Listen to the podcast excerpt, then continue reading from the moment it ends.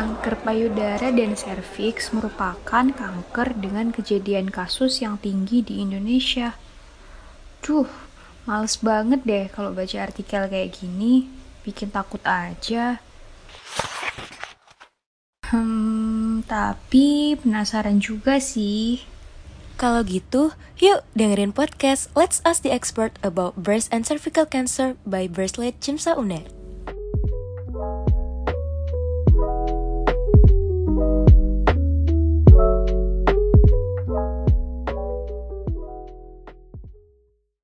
Pagi, selamat siang, dan selamat malam buat kamu yang lagi dengerin podcast di mana pun kalian berada. Hai, seneng banget aku Aurelia dari Sekolah Cimsa Uner bisa nemenin kamu hari ini. Masih dalam rangkaian acara Bracelet, yaitu Being Aware of Breast and Cervical Cancer with Sekolah Cimsa Uner.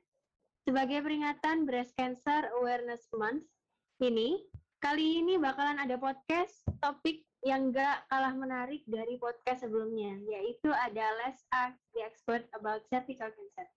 Kita akan membahas seputar kanker serviks bersama dengan pakarnya nih, yaitu ada Dr. Rebecca Angka, Magister Biomedik.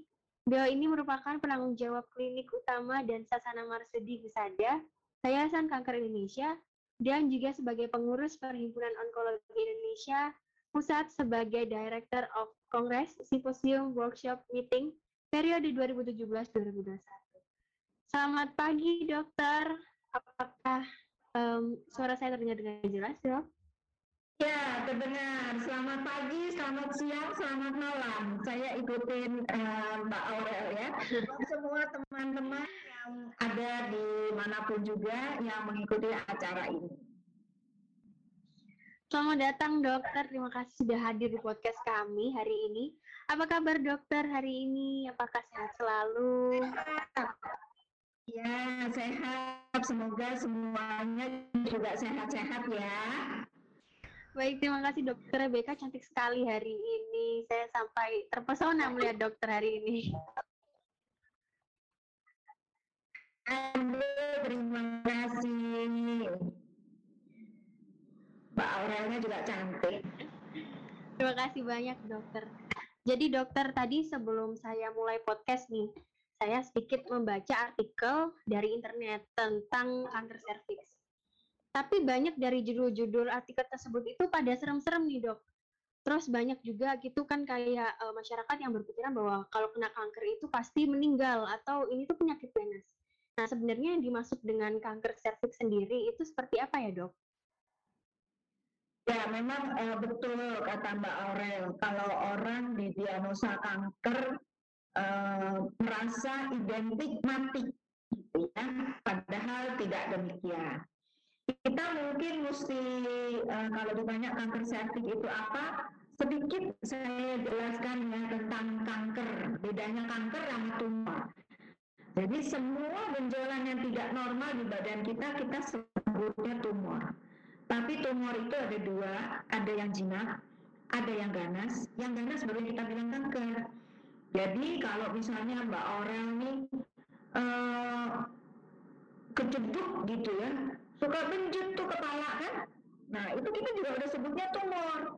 Mohon maaf nih misalnya ada teman-teman yang ada tai lalatnya, entah di muka, entah di tangan, entah di kaki, entah di badan, kita juga udah sebutnya itu tumor. Tapi tumor itu ada dua, gitu kan? Tadi bisa jinak, bisa ganas. Kalau yang ganas baru kita bilang kanker. Jadi tai lalat juga bisa aja jinak, nggak apa-apa. Tapi ada yang bisa berubah jadi ganas. Nah, yang harus kita bedakan. Jadi eh, kalau kita udah sebut kanker, artinya ganas. Jadi nggak ada lagi tuh. Eh, misalnya bilang gini, eh, dok, ibu saya didiagnosa kanker serviks tapi jinak. Nah, nggak ada itu ya. Kalau udah didiagnosa kanker, ya berarti ganas gitu. Jadi kanker serviks adalah kanker atau tumor ganas yang lokasinya di serviks. Ya, kalau uh, mahasiswa-mahasiswi kedokteran pasti tahu dong serviks adanya di mana, jadi nggak perlu dijelaskan lagi, itu ya. Baik dokter, jadi um, kalau benjolan aja tuh udah termasuk tumor ya dokter. Jadi kalau misalnya kanker serviks itu tumor yang tumor yang ganas. Kalau ganas sendiri itu maksudnya gimana sih dokter? Ya, sekarang uh, kita uh, maju lagi bedain ya. Gimana nih bedain jinak sama ganas? Ini soalnya mahasiswa kedokteran nanti kalau jadi dokter harus tahu ya. Secara klinis kalau kita lihat kalau tumor jinak itu benjolannya bagus, ada batasnya tegas. Kalau misalnya kayak ada benjolan di payudara gitu ya, benjolannya tuh kalau dipegang lari-lari. Orang kalau bilang benjolannya masih lari-lari gitu. Nah, kalau itu biasanya secara global ya kelihatannya itu uh, tumor jinak seperti itu. Tapi kalau yang ganas, yang kanker itu benjolannya itu kalau diraba biasanya uh, batasnya nggak tegas, nggak mulus, uh, mungkin bergelombang-gelombang gitu, sama tidak bergerak. Jadi kalau digoyang-goyangin tuh dari dasarnya nggak bergerak. Itu uh, salah satu ciri uh, tumor ganas atau kanker. Terus ada yang tanya biasanya, dok, uh, ini saya punya uh, benjolannya tuh lari-lari kok dok, pasti jinak kan? Belum tentu juga. Jadi yang bedain apa? Harus dibiopsi di patologi anatomi, ya. Ini uh, kan semuanya mahasiswa kedokteran, jadi harus belajar istilah-istilah gitu kan ya. Jadi Uh, semua kalau pasien ada yang tanya, dok ini jinak atau ganas? Secara pemeriksaan fisik dari anamnesa, pemeriksaan fisik, kita uh, secara global kita bisa tentukan. Ini kira-kira apalagi tumbuhnya lambat, udah tahunan dok, ini benjolannya ada di saya. Ya kita bisa mikir, oh kalau misalnya udah tahunan itu sih kemungkinan jinak, apalagi diraba wah mulus nih kayaknya, terus benjolannya jalan-jalan gitu ya. Tapi begitu dibilang satu bulan yang lalu belum ada nih dok benjolannya, tiba-tiba ada benjolan, saya goyangin nggak bergerak. Nah itu kita boleh mikir nih, jadi ya dari anamnesa, dari pemeriksaan fisik, kita udah curiga, wah ini ganas. Nah susahnya, susahnya, lah kalau servik kan nggak bisa periksa sendiri, gitu ya. Jadi kalau servik uh, udah pada tahu dong adanya di mana nggak mungkin periksa sendiri. Jadi bagaimana dong dok? Ya harus ke dokter gitu nanti kita gali lagi. Ayo uh, mbak Aurel nanya apa dulu? Jadi digali gimana tuh caranya?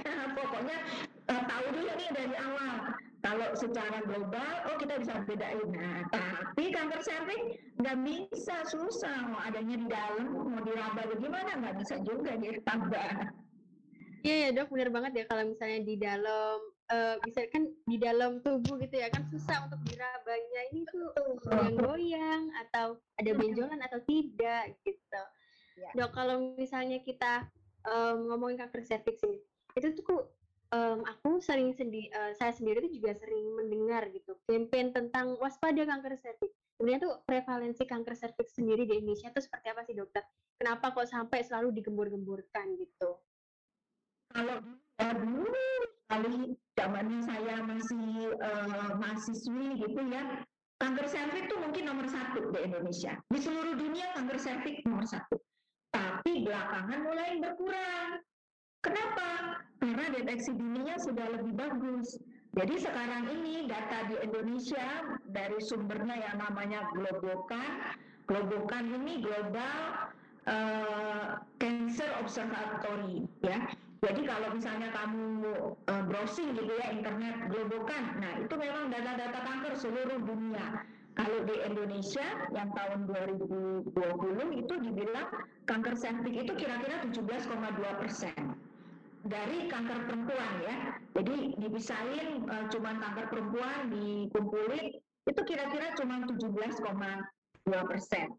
Dan itu menduduki peringkat kedua ya Uh, pertamanya apa? Pertamanya kanker payudara sekarang.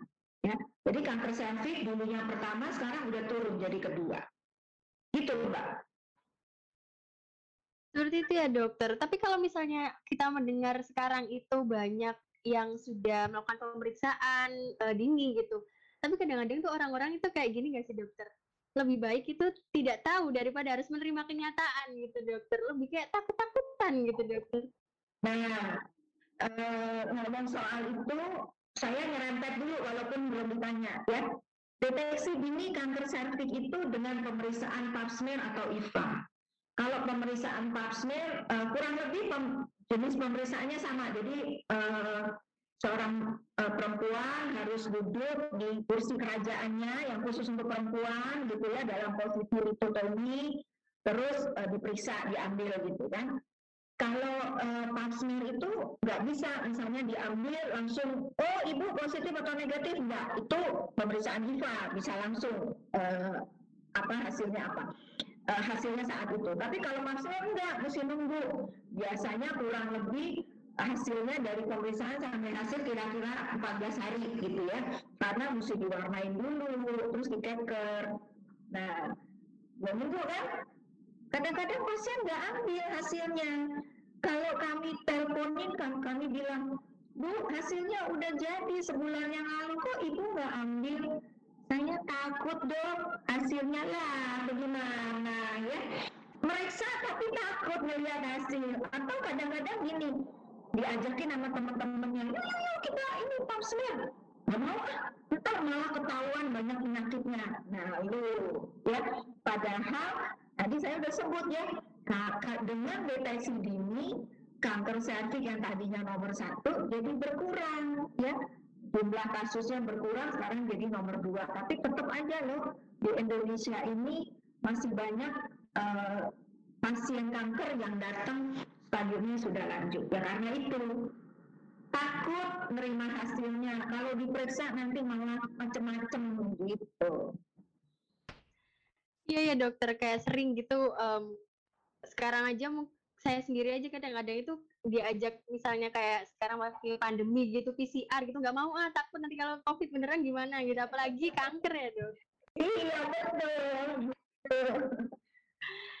um, kalau misalnya kita melihat kejadian kanker yang tadi telah disebutkan oleh dokter Rebecca gitu 17,2 persen ya dokter termasuk yang tinggi gitu ya dok ya. mungkin ada penyebab-penyebab gitu dok yang menyebabkan kenapa kanker serviks ini bisa tinggi mungkin faktor genetik atau mungkin ada sebab-sebab lain seperti itu dok Sebetulnya untuk semua jenis kanker faktor genetik itu cuma uh, 5 sampai 10 persen banget ya.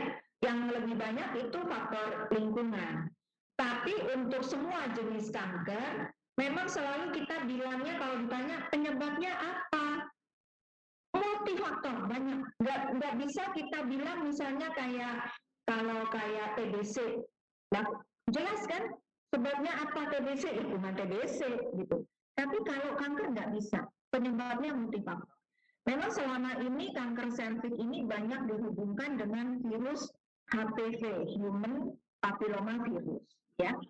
Tapi uh, dari penelitian juga didapatkan nggak semua yang kanker serviks itu ada virus HPV-nya, enggak.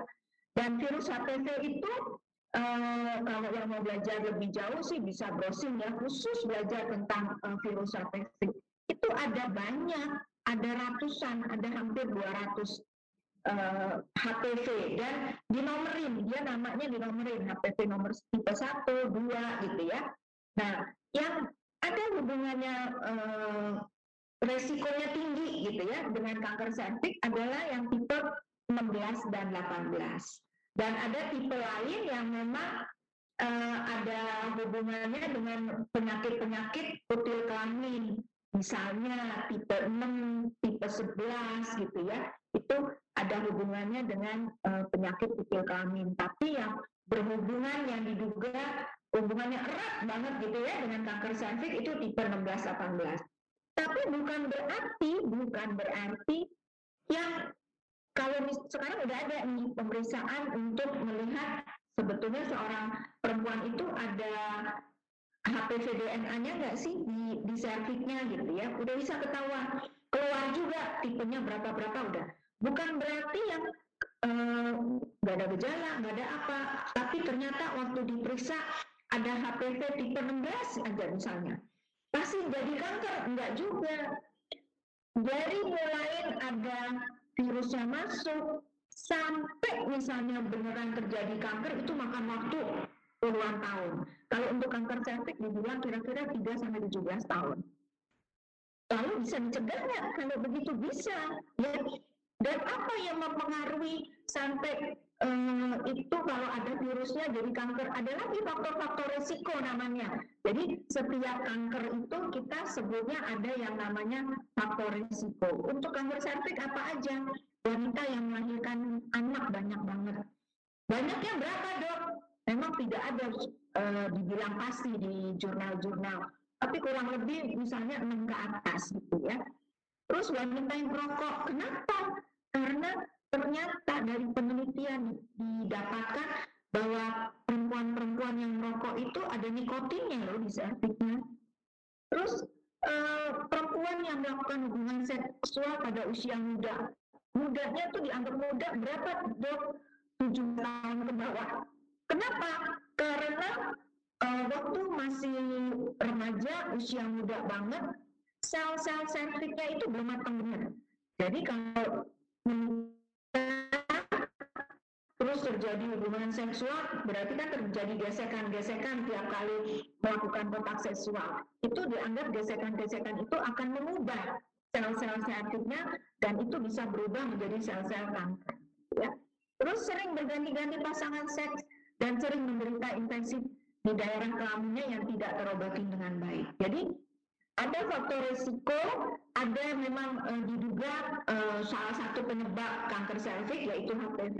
Semuanya ini multifaktor, ada faktor lainnya. Dia bisa mengubah sel-sel serviks ini untuk uh, berubah sifatnya menjadi prakanker, terus menjadi kanker. Tapi ingat, kita juga punya sel imun. Ya, kamu belajar kan sel imun. Harusnya, harusnya sel imun kita ini perang. Kalau mulai ada sel berubah sifatnya, sel imun kita perang. Ya, dia matikan. Uh, kalau kamu masih semester 3, mungkin baru belajar atau belum, tapi nantinya kamu akan belajar apa yang namanya apoptosis. Jadi mati sendiri. Jadi sel itu kalau misalnya dia berubah sifatnya, bukan lagi sel normal, harusnya ada DNA lain yang mengubah supaya sel yang nggak normal ini nggak benar dibenerin dulu. Itu udah normal mekanisme ada dalam tubuh kita. Kalau nggak bisa benar mati dia apoptosis. Atau misalnya nggak bisa benar tapi sel imun kita bagus nih dimatiin sama sel imun kita. Tapi kalau semua itu nggak jalan nah itu baru menjadi kanker ruwet ya jadi kanker tuh ruwet jadi nggak gampang sebetulnya nggak nggak sesederhana itu. Jadi sebetulnya nggak bisa dibilang kemarin saya periksa nggak ada apa-apa kok hari ini jadi kanker. Nggak mungkin. Ya jadi itu sebetulnya menjadi kanker itu um, waktu yang panjang dan um, jelimet gitu ya. Mungkin kalau orang Jawa bilangnya jelimet. Jadi sebetulnya uh, nanti di belakang kali ya kita ngomongin tentang pencegahannya gimana gitu ya Mbak Orel ya. Silakan Mbak Orel iya dokter. Uh, jadi emang ya kayak uh, kenapa kok kanker cervix ini tinggi gitu di Indonesia? Karena ini uh, tadi faktor-faktor resiko yang udah disebutin oleh dokter Rebecca itu kental gitu dengan budaya kita gitu ya dok. Oh iya banyak yang uh, memiliki anak banyak gitu lahir banyak. Lalu juga tadi berganti pasangan terus uh, seksual apa uh, melakukan hubungan seksual pas usia muda gitu. Memang banyak ya di masyarakat kita dok. Dok ya. sebelum kita beranjak ke pertanyaan sebelumnya saya mau uh, bertanya sedikit nih dokter. Mungkin para, uh, para pendengar kita ada yang masih orang awam gitu. Um, tadi kan dokter sudah menyebutkan tentang virus HPV emang uh, kalau virus berarti ada cara transmisinya, dokter. Mungkin bisa dijelaskan sedikit saja, dok, buat penambahan gitu. HPV ini tuh melalui apa? Ya, Jadi kalau misalnya orang kenalnya mungkin virus flu, gitu ya, influenza, orang batuk, orang haji, ini COVID juga kan. Wah, kalau misalnya eh, haji, wah virusnya bertebaran, makanya kita disuruh pakai masker, gitu ya. Nah, virus HPV ini dari mana? Nggak kelihatan kalau virus kan. Nah, penularannya melalui hubungan seksual. Tapi juga diduga bisa juga melalui kontak tidak langsung. Artinya apa? Jadi ada penelitian yang meneliti itu kalau di um, apa habis dari cebok gitu ya um, pakai istilahnya maaf ya jadi kalau habis uh, apa buang air kecil, terus dicuci bersih, terus tangannya misalnya nggak cuci, pegang handle pintu, itu katanya waktu diperiksa tuh handle pintunya ada virusnya. Gitu. Jadi ada penelitian yang meneliti seperti itu. Jadi memang bisa penularannya secara tidak langsung gitu. Tapi ini masih eh, namanya kalau di kedokteran ya penelitian terus berjalan gitu ya. Ada penelitian lain yang membantah, ada penelitian lain yang membuktikan ini gitu ya. Tapi yang pasti memang uh, ditularkan ya melalui hubungan seksual. Itu yang uh, besar. Gitu. Jadi kalau ditanya juga uh, susah juga loh, Mbak.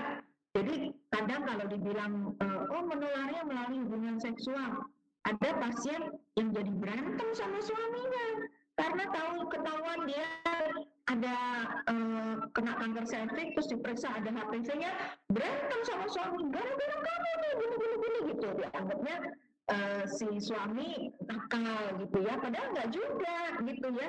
Bisa dapatnya dari mana? Penelitian lain bilang sebetulnya hampir uh, 90-an persen perempuan kalau diperiksa ada virus HPV-nya dapat dari mana? Gak usah dibahas deh karena nggak tahu dapatnya dari mana awalnya gitu.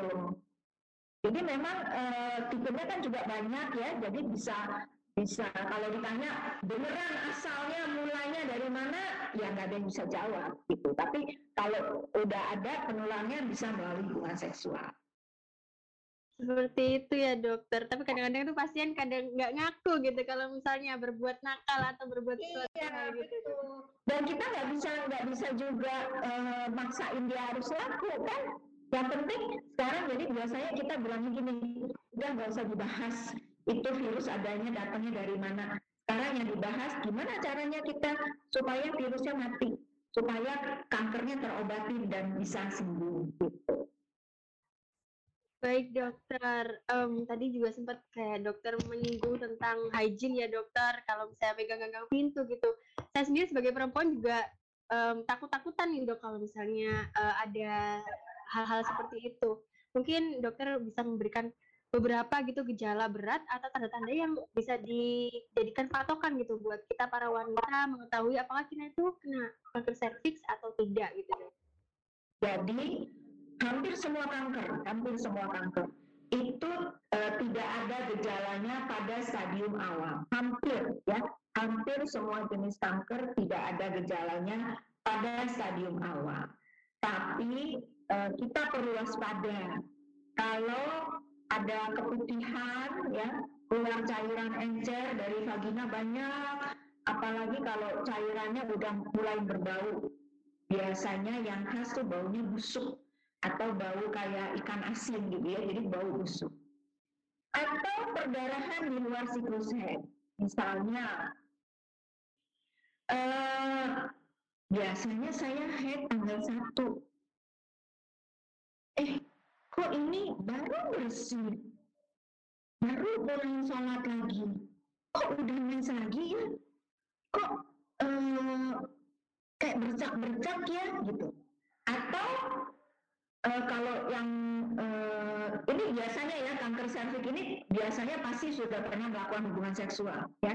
Jadi um, udah menikah gitu, eh, kenapa ya?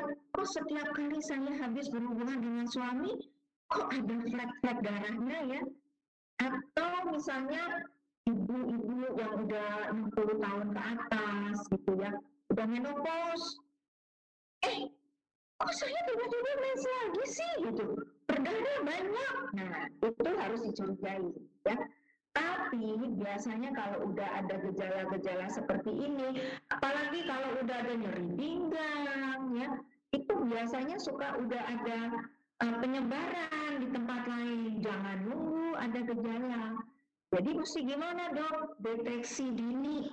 Itu tadi lagi yang saya bilang pap smear atau IVA ya jadi jangan nunggu ada gejala baru baru datang gitu tergopoh-gopoh gitu. Jangan ya jadi nah susahnya gini nih. Kan tadi saya bilang semua kanker stadium awal gak ada gejalanya ya. Terus adalah serombongan ibu-ibu pap smear. Yang satu memang ada keluhan misalnya keputihan. Aduh saya keputihan nih gatel jadi ikut nih teman-temannya berlima misalnya. Justru yang ada keluhan keputihan gitu ya gatel nggak ditemukan sesuatu yang berarti gitu tapi yang nggak ada keluhan apa-apa kanker. Itu bisa nomel pasiennya. Ini kliniknya nggak saya masa nggak ada keluhan gitu ya. Jadi nanti adik-adik kalau misalnya ada pasien gitu jangan panik ya udah tahu semua jenis kanker semua hampir semua tidak ada gejalanya. Jadi kalau nggak ada gejalanya tapi ternyata terdiagnosa kanker jangan heran gitu ya. Malah bersyukur ketahuannya stadiumnya masih dini sekali. Jadi angka kesembuhannya akan lebih tinggi. Begitu mbak Aurel. Deteksi dini ya dokter ini yang menjadi uh, highlight gitu ya dok untuk pencegahan-pencegahan gitu. Um, tadi dokter sudah uh, menyebutkan beberapa deteksi dini gitu menggunakan ada pap smear terus juga ada IPA. Mungkin teman uh, teman-teman di sini belum mengetahui gitu dokter secara lebih jauh tentang dua hal tersebut atau ada pemeriksaan lain gitu yang bisa kita lakukan untuk mendeteksi kanker serviks ini dokter. Uh, nggak ada sebetulnya memang harus IVA atau pap smear gitu tapi ini dilakukan oleh perempuan yang sudah melakukan hubungan seksual ya entah menikah resmi atau tidak, tapi apalagi aktif melakukan hubungan seksual harus um, melakukan pemeriksaan deteksi dini pap smear atau IVA. Dilakukannya kapan? Uh, biasanya cukup satu tahun sekali, ya. Kalau tidak ada apa-apa satu tahun sekali. Uh, pemeriksaannya kapan? Pokoknya tidak sedang haid, ya. Yang bagus sih seminggu setelah haid karena Kenapa? Setelah haid bersih ya. Kenapa? Karena kalau misalnya uh, udah nih saya udah nggak keluar haidnya uh, kemarin masih keluar hari ini nggak keluar besok terus mau pasir jangan karena kadang-kadang begitu dibuka masih ada darahnya di, di dalamnya tapi memang nggak keluar jadi biasanya kita anjurkan tujuh minggu eh tujuh minggu tujuh hari setelah haid bersih baru pap smear atau ISPA Terus ada yang nanya, karena ini kan dilakukannya pasti yang sudah melakukan hubungan seksual. Dok, boleh uh, berhubungan seksual nggak dengan suami? Sebaiknya jangan sah, semalam sebelum, uh, jadi kalau saya ini mau pasmir, semalamnya jangan berhubungan seksual. Kenapa? Karena kadang-kadang uh, jadi apa preparatnya itu terganggu karena adanya sperma, ya. Jadi bukannya karena kenapa kenapanya, tapi karena ada sisa-sisa sperma yang akhirnya ikut gitu ya masuk di dalam preparat dan itu mengganggu kesediaan uh, pap smearnya. Uh, cuman itu kalau misalnya ada USG uh, perlu uh, USG kandungan itu nggak bisa mendeteksi juga uh, si servik ini. Jadi memang harus pap smear atau IPA. Itu udah deteksi dininya nggak bisa cara lain. Itu ya dokter. Kalau misalnya kita ngomong tentang pemeriksaan, mohon maaf nih dok, uh, mungkin agak keluar dari bahasan kita. Um, kalau saya pernah diberitahu gitu kan kalau kuliah gitu dosen-dosen pada bilang kalau di luar negeri itu orang-orang itu pada rutin melakukan kayak pap smear.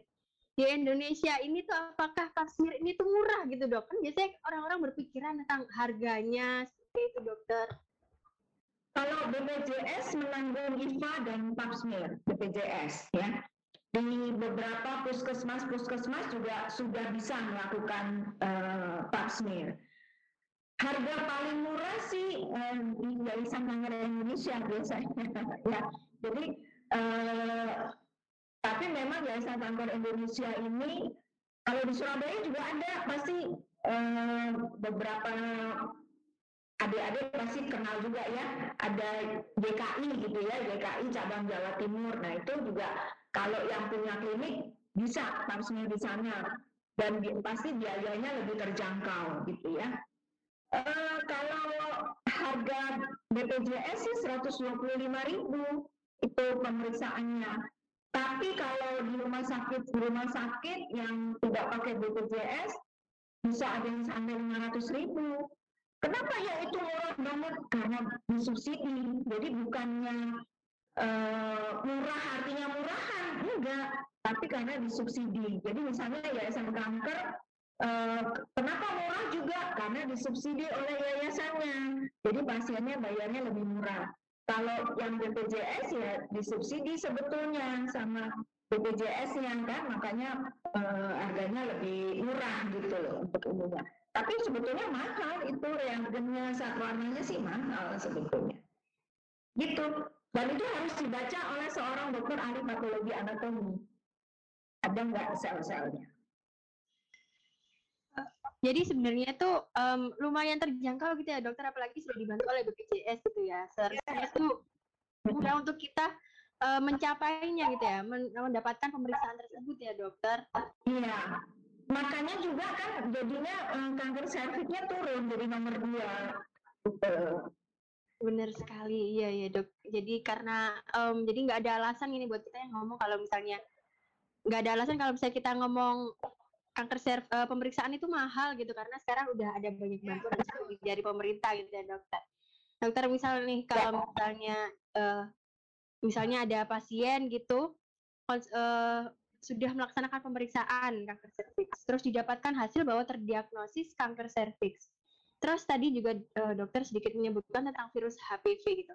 Biasanya para dokter akan memberikan treatment seperti apa nih dok untuk uh, treatment selanjutnya gitu mungkin ada treatment tentang psikologinya gitu dokter kan sedikit tergoyah gitu biasanya.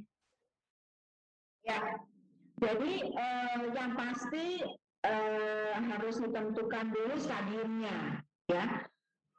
Penentuan stadiumnya gimana? Jadi yang pertama tadi diagnosa pasti kan, berarti mesti dibiopsi. Kalau dari hasil pap atau IVA, kalau IVA positif, biasanya dilanjutkan pap dulu. Pap benar positif, dilakukan uh, kolposkopi namanya, sekalian di biopsi. Jadi di biopsi diambil jaringan serviksnya, kemudian dilihat di bawah mikroskop, ya ya betul ada sel kankernya. Terus dilakukan pemeriksaan, apa misalnya USG itu, untuk melihat apakah sudah ada penyebaran lebih jauh keluar dari serviksnya.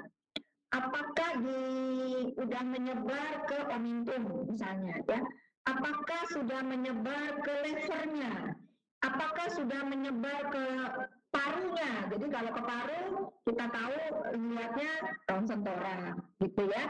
Apakah sudah menyebar ke tulang-tulang yang dekatnya. Jadi ada pemeriksaan-pemeriksaan untuk menentukan ini kankernya udah sejauh mana penyebarannya. Kalau betul-betul baru di uh, saja, bisa pengobatannya tuh kalau misalnya tadi saya sempat sebut ya, jadi ada stadium uh, prakanker, ada kanker.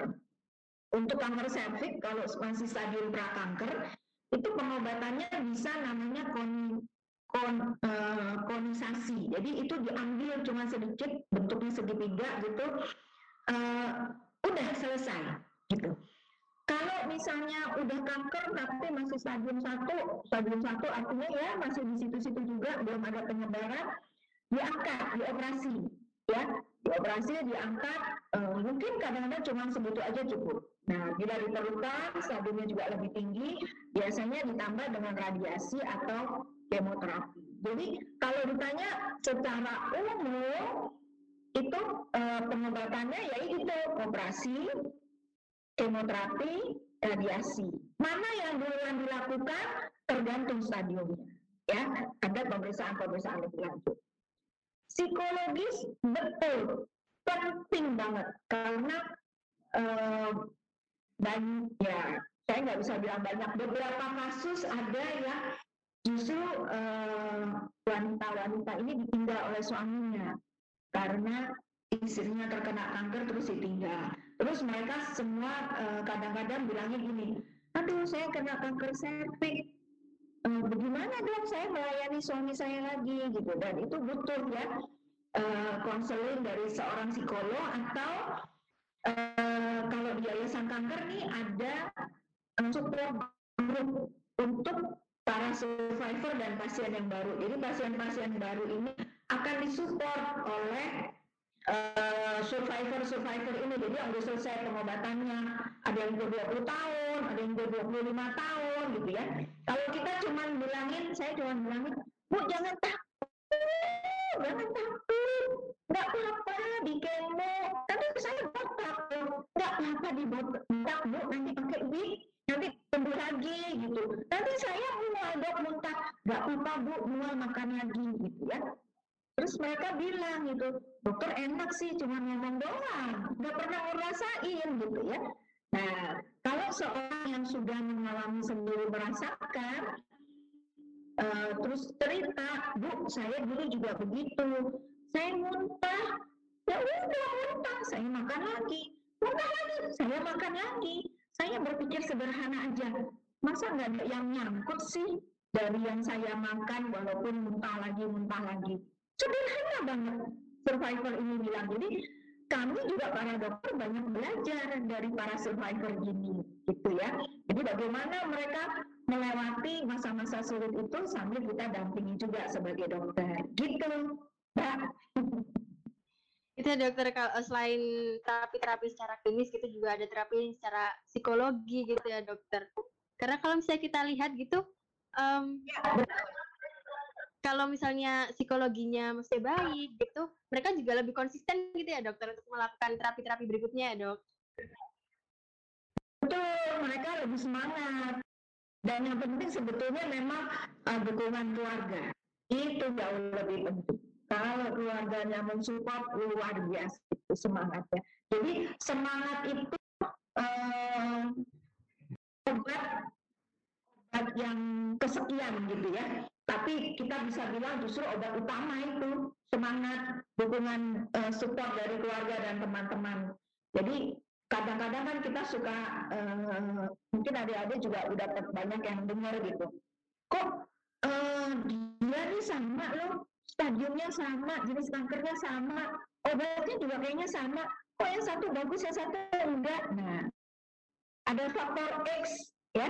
Pasti uh, adik-adik nanti yang lama juga melihat gitu. Ada faktor X yang nggak bisa dijelaskan di ilmu pengetahuan. Dan faktor X-nya yaitu, ya, psikis, dukungan dari keluarga dan teman-teman itu sangat mempengaruhi. Iya dokter, jadi um, seharusnya um, bukan seharusnya ya, keluarga itu juga memberikan salah satu support gitu untuk penyembuhan pasien sendiri.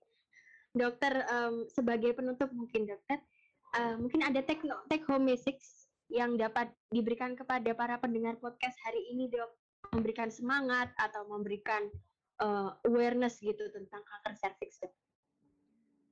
Eh, tadi ngomong-ngomong soal apa soal HPV sekarang udah ada uh, vaksinnya ya.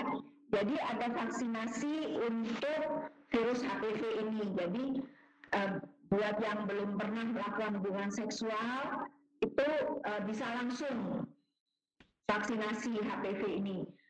Perlunya berapa lama eh berapa kali? Tiga kali biasanya ya. Untuk berapa lama dok? Kalau hepatitis kan mungkin pada tahu ya lima tahun lagi mesti diulang gitu ya. Kalau HPV enggak sampai saat ini ya udah uh, seumur hidup gitu ya. Tiga kali ada masanya gitu bulan ke-0, kedua, ke-6 tapi untuk seumur hidup. Itu uh, salah satu pencegahannya ya. Jadi kalau ditanya apa take home message-nya kenali bahasa tubuh kita sendiri yang pasti. Ya, lakukan pencegahan. Pencegahan gimana untuk kanker serviks? Tadi udah disebut ya. Salah satunya uh, berperilaku sehat, berperilaku sehat termasuk ya tidak ganti-ganti pasangan seksual gitu ya. Dan apakah makanan mempengaruhi? Ada juga pengaruhnya untuk makanan karena itu mempengaruhi imun tubuh kita ya. Dan jangan lupa nanti kalau sudah khusus untuk kanker serviks, kalau yang sudah melakukan hubungan seksual, jangan lupa lakukan deteksi dini, ya. Dan tularkan pengetahuan yang kalian dapatkan ini ke keluarga kalian. Kalian punya ibu, kalau sekarang kan belum belum menikah ya, belum merasa ah belum belum perlu kan deteksi dini gitu. Tapi punya ibu, mungkin punya saudara entah saudara kandung, saudara sepupu atau ipar atau apa yang sudah menikah. Nah, dikasih tahu, ayo deteksi dini, jangan takut.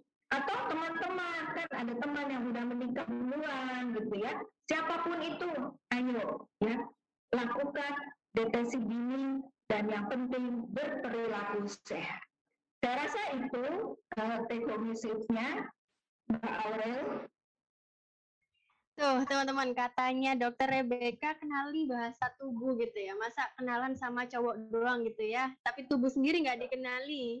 Iya, betul.